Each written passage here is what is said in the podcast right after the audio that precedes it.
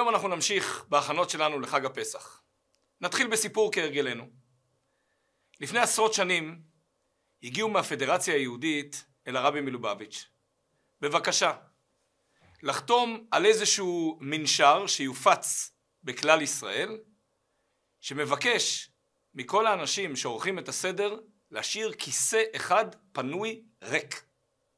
לזכר שש מיליון היהודים שנהרגו בשואה, השם ייקום דמם, הכיסא הריק מציין את הזכר לאותם שש מיליון.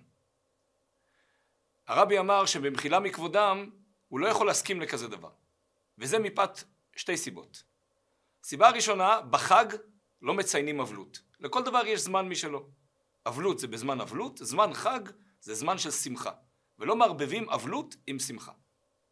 והסיבה השנייה, והיא סיבה שאנחנו נדבר עליה עכשיו,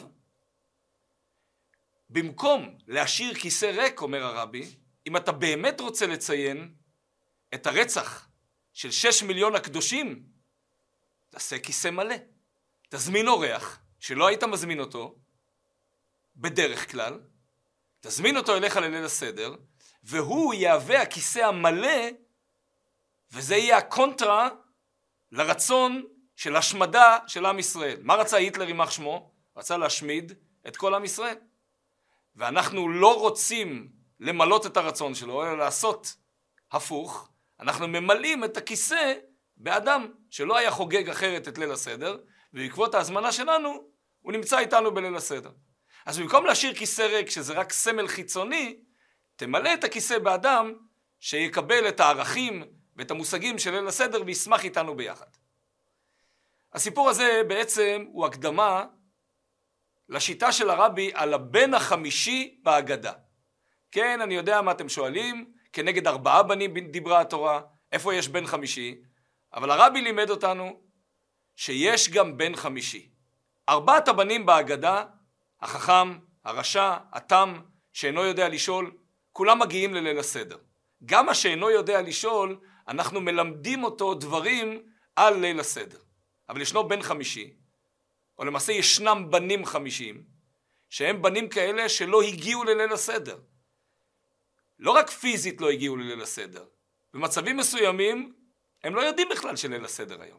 הם לא יודעים בכלל שכלל ישראל חוגג עכשיו את ליל הסדר בביתו. זה לא מעניין אותם. או שהם לא יודעים, או שגם אם הם יודעים שהיום התאריך של ליל הסדר זה לא ממש מעניין אותם, וגם אם הם יושבים בליל הסדר, או שהם לא חוגגים אותו כהלכתו, או שהם לא ממש מצויים בתוך הדברים. והכל זה תינוקות שנשבו, אנשים כאלה שמה לעשות, לא קיבלו את החינוך הנכון, והם uh, חוגגים את ליל הסדר בדרך שלהם.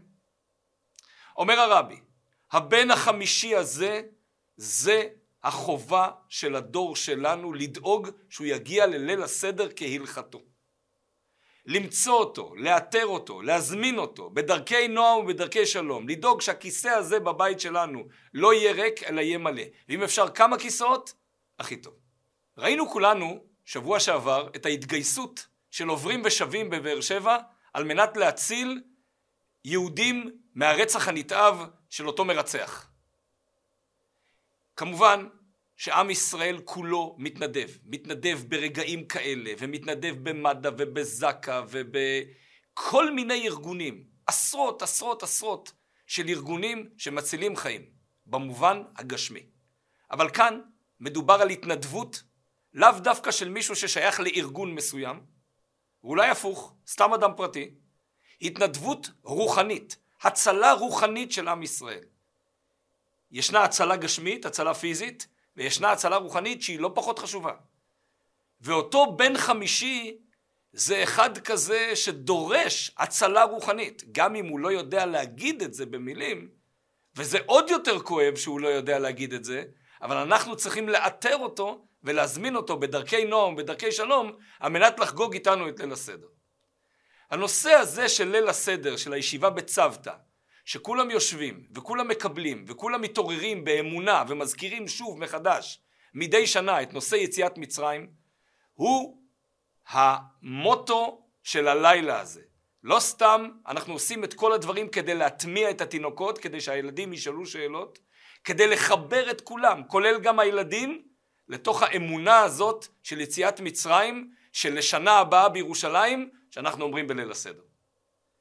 ולמעשה, כשאנחנו חוזרים אחורה, עוד בזמן שעם ישראל היה במצרים, ישנו פסוק מאוד מעניין. אחרי שמשה מכה את המצרי, אז למחרת הוא רואה שני אנשים עיוורים ניצים. ויאמר לרשע למה תכה רעך? ואז הרשע עונה לו מי שמך לאיש שר ושופט עלינו? הלאורגני אתה אומר כאשר הרגת את המצרי? וירא משה ויאמר אכן נודע הדבר. ורש"י מביא על המקום מה זה אכן נודע הדבר? זה לא רק אכן נודע הדבר שהכיתי את המצרי אתמול, אלא אכן נודע הדבר למה עם ישראל נמצא בגלות. כי בעם ישראל יש דילטורין, בעם ישראל יש מספרי לשון הרע. ובגלל שיש בעם ישראל מספרי לשון הרע, לכן יש אריכות כל כך גדולה של גלות מצרים.